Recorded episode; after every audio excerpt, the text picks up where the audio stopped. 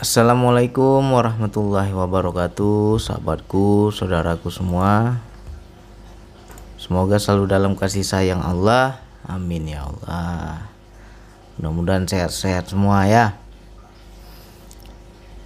Jadi ini ada sebuah pertanyaan dari sahabat kita Pak Sutrisno. Assalamualaikum Bang Andi. Saya tanya Sudi kiranya Bang Andi beri ulasan Poin aja ya Bang saya buka usaha. Saya diberi ijazah amalan yaitu bunga serai. Tiap malam Jumat tawasul kepada Nabi. Terus kepada Eyang Raja Mangkunegara. Tapi setelah saya zikir nafas barang itu kecuci udah tiga kali. Yang mau saya tanyakan apakah amalan itu perlu dilanjut apa enggak bang? Makasih Bang Andi. Wassalamualaikum. Ya, Waalaikumsalam warahmatullahi wabarakatuh. Ini nampaknya amalan untuk penglaris usaha ya. Saya juga bingung, bunga serai dipakai untuk tawasul ya kan. Habis itu tawasul kepada Nabi juga kepada Eyang Raja Mangkunegara. Waduh, jadi ini hati-hatilah untuk saudaraku, sahabatku. Siapa pun kita yang masih bersandar, bergantung atau mengandalkan amalan, hati-hati. Ya. Apalagi kita dikasih ijazah ini, ijazah itu. Amalkan ini, amalkan itu. Kita harus paham ini kata amalan. Kata amalan itu apa makna amalan? Amal maknanya adalah perbuatan. Cuman kebanyakan kita memahami makna amalan itu adalah ucapan atau doa atau wirid tertentu itu kita bilang amalan. Banyak ini kita salah kaprah ya. Seperti Rasulullah ketika aku mati nanti kata Rasulullah Kutinggalkan kalian dua, hadis dan Al-Quran. Nah itu amalan untuk apa? Apa untuk dibaca? Bukan untuk dibaca. Untuk dilakukan. Ya. Rasulullah juga memberi amalan, tapi untuk dibuat, untuk dilakukan, untuk dikerjakan. Itu amalan. Jangan kita bersandar bergantung kepada wiridan. Doa-doa tertentu, mantra-mantra tertentu. Ya. Dan sini banyak orang menggunakan suatu ayat Allah tapi jadinya seperti mantra ya. Seperti mantra. Kalau kita itu doa ya Allah aku buka usaha ya Allah. Lancarkanlah usahaku. Permudahkanlah urusanku. Murahkanlah rezekiku. Itu tembus ya nggak ada embel-embel ah, sedangkan kita pakai embel-embel amalan tertentu nah di sinilah terkadang setan itu mudah menipu kita ya Allah bilang aku sesungguhnya sesuai prasangka hambaku Kenapa amalan itu kok sakti ya bang? Kok ampuh ya bang? Aku dikasih amalan oleh seorang kiai bang. Ku amalkan laris daganganku bang laris usahaku bang. Ya kenapa bisa laris? Apakah amalannya yang sakti atau kiainya yang sakti? Enggak. Semua itu tergantung keyakinan kita masing-masing. Kayak mana pun hebatnya kiai kalau dia kasih amalan kita nggak percaya nggak makbul nggak jadi. Tapi ketika kita yakin kita percaya ya makbul nah di situlah nanti timbul yang namanya bisikan seperti apa bisikannya? Dibuatlah kita bergantung bersandar kepada amalan. Ketika amalan seorang kiai itu kita nggak lakukan lagi, ya nggak nggak lancar lagi rezeki. Ya, itu tandanya kita sudah terjebak, udah tergantung. Nah kebanyakan juga orang memberikan amalan tapi nggak dikasih, nggak dikupas, nggak dijelaskan sama seperti saya dulu ya. Saya juga sering dulu dikasih amalan. Dikasih amalan apa? Kau zikirkan kau dawamkan tiap hari berapa kali itu ya? 150 kali. Ya. Zikir fafiru ilallah. Dikasih tuh amalan. Kalau kamu mau memahami tentang ilmu Allah. Ya. Kamu zikirkan itu fafiru ilallah kata guru saya itu. Ya. Tapi nggak dijelasin fafiru ilallah ini apa? Ya. Setelah saya cari di Google apa makna fafiru ilallah rupanya berlari ke Allah maknanya. Mendekat kepada Allah sekencang-kencangnya berusaha keras kita betul-betul ingin mendekat kepada Allah rupanya itu bukan untuk diwiridkan bukan untuk dizikirkan. Tapi betul-betul dibuat dalam perbuatan. Ya. Nah sedangkan saya nggak ngerti ikut aja ya kan. Akhirnya apa? Tipu daya setan masuk. Masuk itu tipu daya setan. Semakin diamalkan semakin terbuka tobir goib. Ya wilayah-wilayah goib itu terbuka semua. Kok begini? Katanya berlari kepada Allah kok kita makin jauh dari Allah? Ya kan? Bukan berlari ke Allah tapi malah sebaliknya. Makin lari dari Allah makin jauh dari Allah. Nah begitulah kalau kita salah dalam beramal. Dikasih amalan tapi nggak dijelasin nah sama juga. Kenapa harus ke mangku negara itu? Siapa itu mangku negara tanya lah ya kan? Kenapa harus pakai serai bunga serai? Nah ini hati-hati. Jangan kita asal ikut-ikut aja. Dikasih amalan ini ikut, dikasih amalan itu ikut. Kenapa kita nggak bergantung kepada Allah? Lurus aja lah kepada Allah. Udah. Jangan. Kalau mau buka usaha kita punya usaha rezeki itu udah ada yang ngatur ya jangan bersandar pada penglaris banyak nih orang buka usaha bersandarnya kepada penglaris penglarisnya itulah yang jadi Tuhan bukan Allah Iya kan? Nah, terkadang tipu daya setan ini halus, dibisiki kita macam-macam. Ya, ada lagi dulu dikasih saya amalan oleh orang-orang tua dulu ya. Kalau kamu mau di apa, mau dapat ilmu pengasih, banyak orang sayang sama kamu, kamu amalkan ya Rahman ya Rohim. Wah itu sebelum saya bertemu DN tuh, saya amalkan tuh tiap hari. Ya Rahman, Ya Rahim, Ya Rahman, Ya Rahim. Ya. Tapi nggak dikasih penjelasan kenapa harus Ya Rahman, Ya Rahim. Hakikatnya apa ini? Jadi setiap amalan itu ada hakikatnya. Tapi nggak pernah dibuka. Ya kan?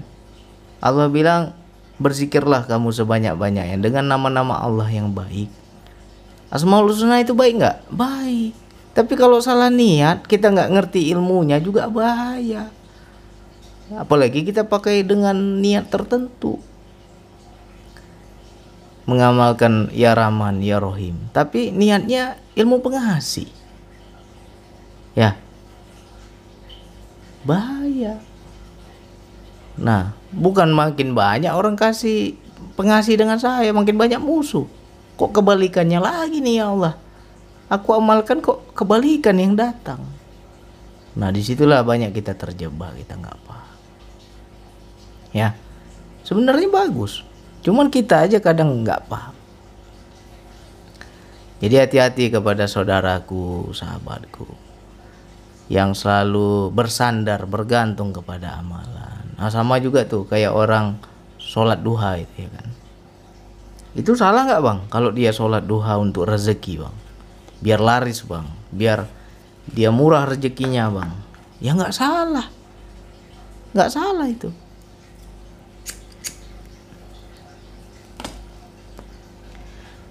Ibarat kata begini loh kalau kita mau kaji-kaji secara logika ya. Kita bekerja sehari ikut perusahaan 8 jam. Teman kita 10 jam. Karena apa? Dia ikut lembur. Lembur dia dua jam. Kira-kira gajinya sama nggak? pasti beda gajinya. Yang lembur itu pasti lebih banyak. Nah begitu juga kita. Orang yang hanya ibadahnya biasa saja amalannya biasa saja dengan orang yang amalan sunnahnya lebih. Ya. Pasti beda. Nah tetapi di sini nggak boleh kita ibaratnya mengejar sesuatu tapi bergantung kepada amalan. Tetap itu akan dapat tetap itu Allah berikan. Contohlah si A kerja 8 jam si B kerja 10 jam. Nggak mungkin bosnya dikasih sama rata ini gajinya. Pasti beda. Tetap haknya dikasih begitu juga kita. Yang mengerjakan amalan sunnah yang lebih daripada orang lain tetap ada jatah kita. Tetapi di situ Allah tanya lagi. Yang kau lakukan untuk dirimu bukan untuk aku sebenarnya itu. Ya. Untuk dirimu sama sepertinya orang lembur itu. Kerja 8 jam kerja 10 jam ya itu maunya dia. Dapat dia gajinya lebih. Itu kan untuk siapa? Bukan untuk bosnya tapi untuk dirinya. Ya. Nah begitu juga kita. Keikhlasan kita ini kadang masih samar-samar. Yang kita takutkan nanti begini. Ya. Luar biasa lah amal ibadah kita di dunia ini kaya lah kita ya kan? Lancar usaha kita ya kan? Berlimpah rezeki kita.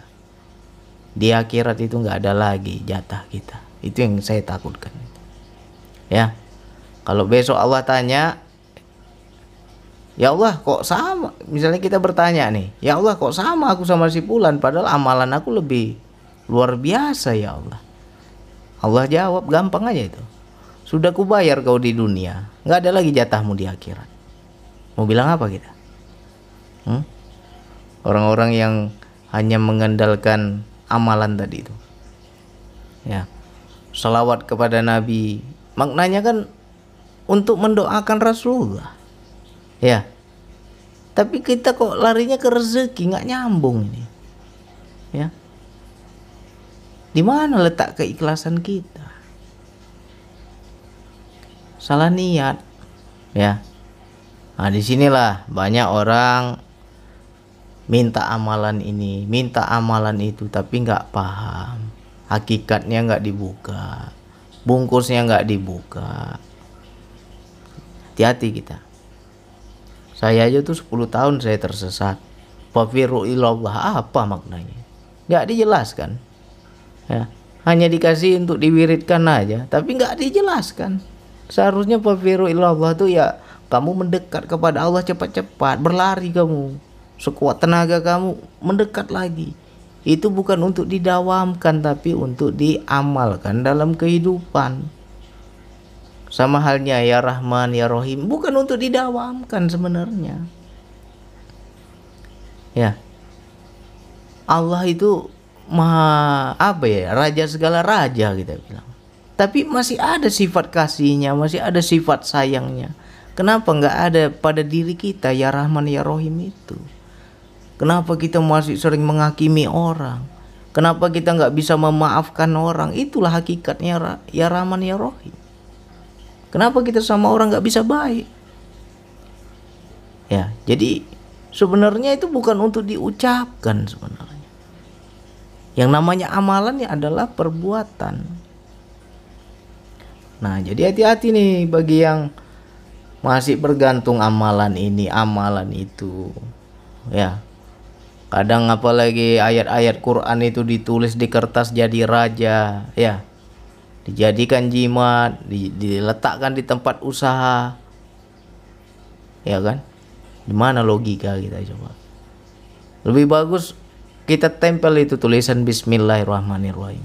Di pintu masuk tempat kita usaha setiap kita hendak masuk pintu terbaca itu. Akhirnya kita mau tidak mau ikut berzikir. Jadi berzikir kita. Terbaca sama kita hati kita juga membaca. Tersambung kepada Allah. Itu lebih bagus bukan disimpan jadi jimat. Ya. Itu tujuannya. Bismillahirrahmanirrahim. Nah, di pintu masuk kita tempel situ. Apakah itu jadi jimat? Bukan untuk mengingatkan kita kepada Allah. Ya. Ke situ arahnya nggak masalah. Jangan kita jadikan itu sebuah penglaris. Aduh. Inilah kita nggak yakin, kita nggak kenal bahwa ada yang maha mengatur, ada yang maha apa ya menjatah kalau saya bilang menjatah si A rezekinya sekian si B rezekinya sekian. Apalagi yang tukang yang punya usaha nih. Lihat toko sebelah eh laris sekali bang. Jangan-jangan pakai penglaris dia bang. Akhirnya kita mencari juga penglaris. Pergi kita cari penglaris. Minta amalan ini minta amalan itu. Akhirnya apa? Itulah yang jadi Tuhan. Mana Allahnya? Hmm? Padahal kita nggak tahu, rupanya toko sebelah wadahnya besar. Kenapa usahanya lancar? Kenapa wad apa rezekinya kenceng ya, berlimpah? Rupanya wadahnya besar. Ya, makna wadah yang besar ini banyak dia menyantuni anak yatim, banyak dia apa menyantuni janda-janda tua ya kan banyak dia membantu orang susah. Akhirnya apa? Allah buat lancar. Nah, itu yang kita nggak tahu. Yang kita tahu dia lari saja. Tapi kita nggak tahu tuh amalan dia yang lain. Itu yang sejatinya amalan ya. Perbuatan. Bukan penglaris dalam bentuk doa doa ini doa itu. Ya. Janganlah kita mempertuhankan yang selain Allah. Hati-hati ya, minta amalan ini, minta amalan itu. Lurus-lurus saja lah kita. Ini macam Pak Sutrisno bertanya, sebenarnya di hati sudah ada keraguan, lanjut atau enggak nih bang? Jangan. Ya tanyalah diri sendiri. Ya, belajar lurus-lurus lah. Enak langsung-langsung aja kita. Ya Allah, Aku buka usaha nih ya Allah. Lancarkanlah usahaku ya Allah. Nah, kita harus perhatikan ini. Kenapa ya kita jualan sama nih dengan toko sebelah? Kami dagangannya sama bang, barangnya sama. Tapi kenapa dia lebih laris? Saya kok nggak laris? Cari tahu.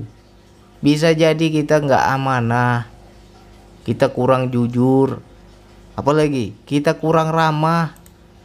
Ya, jualan tapi nggak ramah. Macam mana rezekimu datang?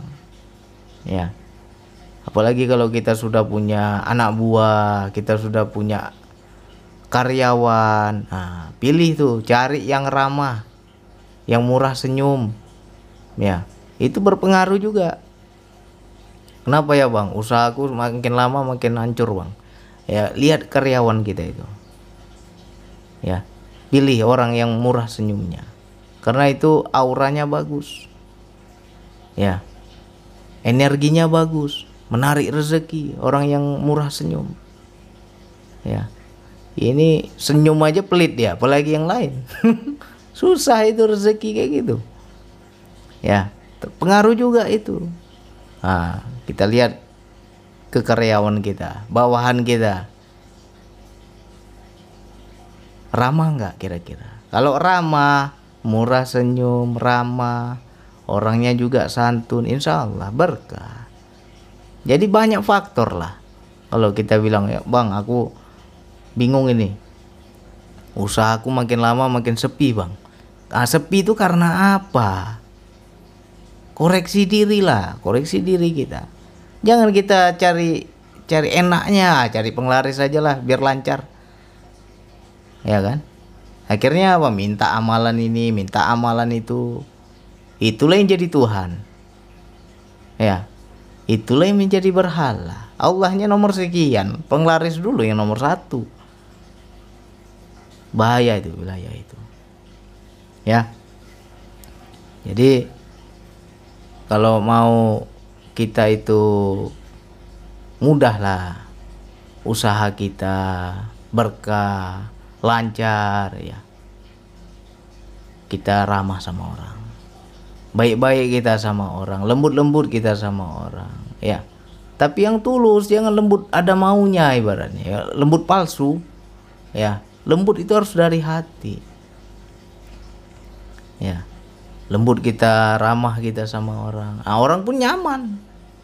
Mau jauh kayak mana pun datang lagi orang nanti belanja di tempat kita ya jujur kita apa adanya. Jangan hanya sekedar mencari keuntungan aja ya. Nah habis itu banyak bersandar kepada Allah. Ya Allah aku bersandar kepadamu ya Allah. Rupanya lancarlah rezeki kita. Tanya lagi sama Allah. Ya Allah bulan ini lancar rezekiku ya Allah. Ada hak siapa di sini ya Allah? Ke mana aku salurkan ya Allah? Berlebih ini ya Allah itu kalau orang-orang beriman tuh seperti itu. Jangan ketika berlebih, woi mantap ini amalan dari kiai desa sana ini.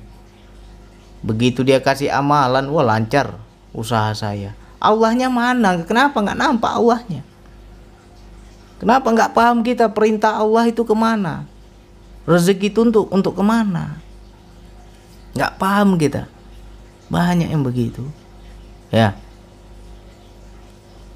Makanya kita jangan hanya istilahnya untung, rugi, untung rugi, untung rugi, janganlah. Jalankan aja ya Allah. Nampak-nampaknya aku tergerak, terdorong buka usaha ya Allah. Kira-kira cocok nggak ya Allah kalau aku berdagang ini ya Allah. Tanya dulu sebelum buka usaha. Ya. Udah kita tanya sama Allah, ada dorongan kuat. Ya udah buka, bismillah. Nah, dalam menjalaninya tekun. Ya kan? Betul-betul kita jadikan itu suatu amanah. Kalau kita berusaha karena kita anggap itu pekerjaan berat. Tapi kalau kita anggap ini amanah yang Allah titipkan. Ini perintah Allah pada diriku. Harus kulakukan. Ya udah jalani jadi nggak berat kita. Habis itu besoknya untung atau rugi misalnya. Kok makin lama makin sepi? Ya baca lagi apa yang harus aku perbaiki ya Allah. Apa yang harus aku benahi ya Allah. Mungkin banyak kesalahan diriku ya Allah. Nanti Allah kasih tunjuk itu. Ya diilhamkan kita. Kita harus begini kita harus begitu. Apa yang harus kita rubah? Ya kan habis itu laris. Udah laris. Kenapa banyak ini ya Allah? Bulan ini kok meledak ini? Beda sama bulan-bulan lalu. Nah, ini ada rezeki untuk siapa ya Allah? Ada hak siapa di sini? Begitu kita tanyanya. Ya. Jangan kita ke mana-mana ini. Ya. Jadi untuk saudaraku sahabatku saudaraku yang punya usaha yang penting ramah itu aja. Ramah kita sama orang ya. Lembut-lembut kita sama orang. Insya Allah berkali-kali orang datang itu tempat kita. Ya kan? Insya Allah nanti mulut ke mulut oh di sana enak itu bagus. Orang yang promosikan untuk kita. Ya. Jadi jangan lagi kita bergantung amalan ini amalan itu kadang doa bagus tapi niatnya salah ya kan. Ayat Quran jadi mantra ini kadang nggak logika gitu ya, kan. Nah, tempel itu Bismillahirrahmanirrahim atau ayat kursi di tempat usaha kita. Setiap pandang itu baca. Setidaknya itu mengingatkan kita ya. Bukan itu dijadikan jimat Jangan salah makna kita. Tempel bismillah depan pintu. Nah, setiap masuk pintu baca. Ya. Apalagi kita berdoa langsung kepada Allah. Poinnya ke Allah aja poinnya itu. Ya Allah, aku ada amanah ya Allah, aku ada niat ya Allah. Aku ndak tolong saudara-saudaraku di kampung ya Allah. Kalau rezekiku lancar bulan ini, Aku salurkan ke sana ya Allah. Lebih baik kayak gitu kita. Ya, itu namanya nego sama Allah, memancing rezeki Allah. Melalui usaha kita. Ya. rupanya meledaklah. Banyak rezeki kita berlimpah. Oh kita sudah catat itu. Sudah kita ingat itu. Oh untuk si pulan untuk si pulan untuk si pulan terima kasih ya Allah. Engkau mudahkan ya Allah aku paham ya Allah. Ini ada hak si, pulan ini ya Allah. Salurkan. Ya. Ke situ arahnya. Jangan sampai kita mencari hanya sekedar rezeki ya.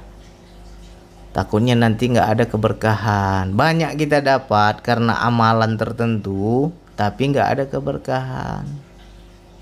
Banyak kok orang punya duit tapi apakah di situ ada keberkahan? Nggak semua berkah ya. Makin banyak duit makin laris usahanya makin berkembang usahanya makin banyak hartanya tapi anaknya nggak benar. Ya kan? Istrinya nggak benar. Mau kayak gitu? Hati-hati. Jangan sampai kita mencari kesenangan tapi nggak mandang Allahnya. Ya. Berharaplah langsung kepada Allah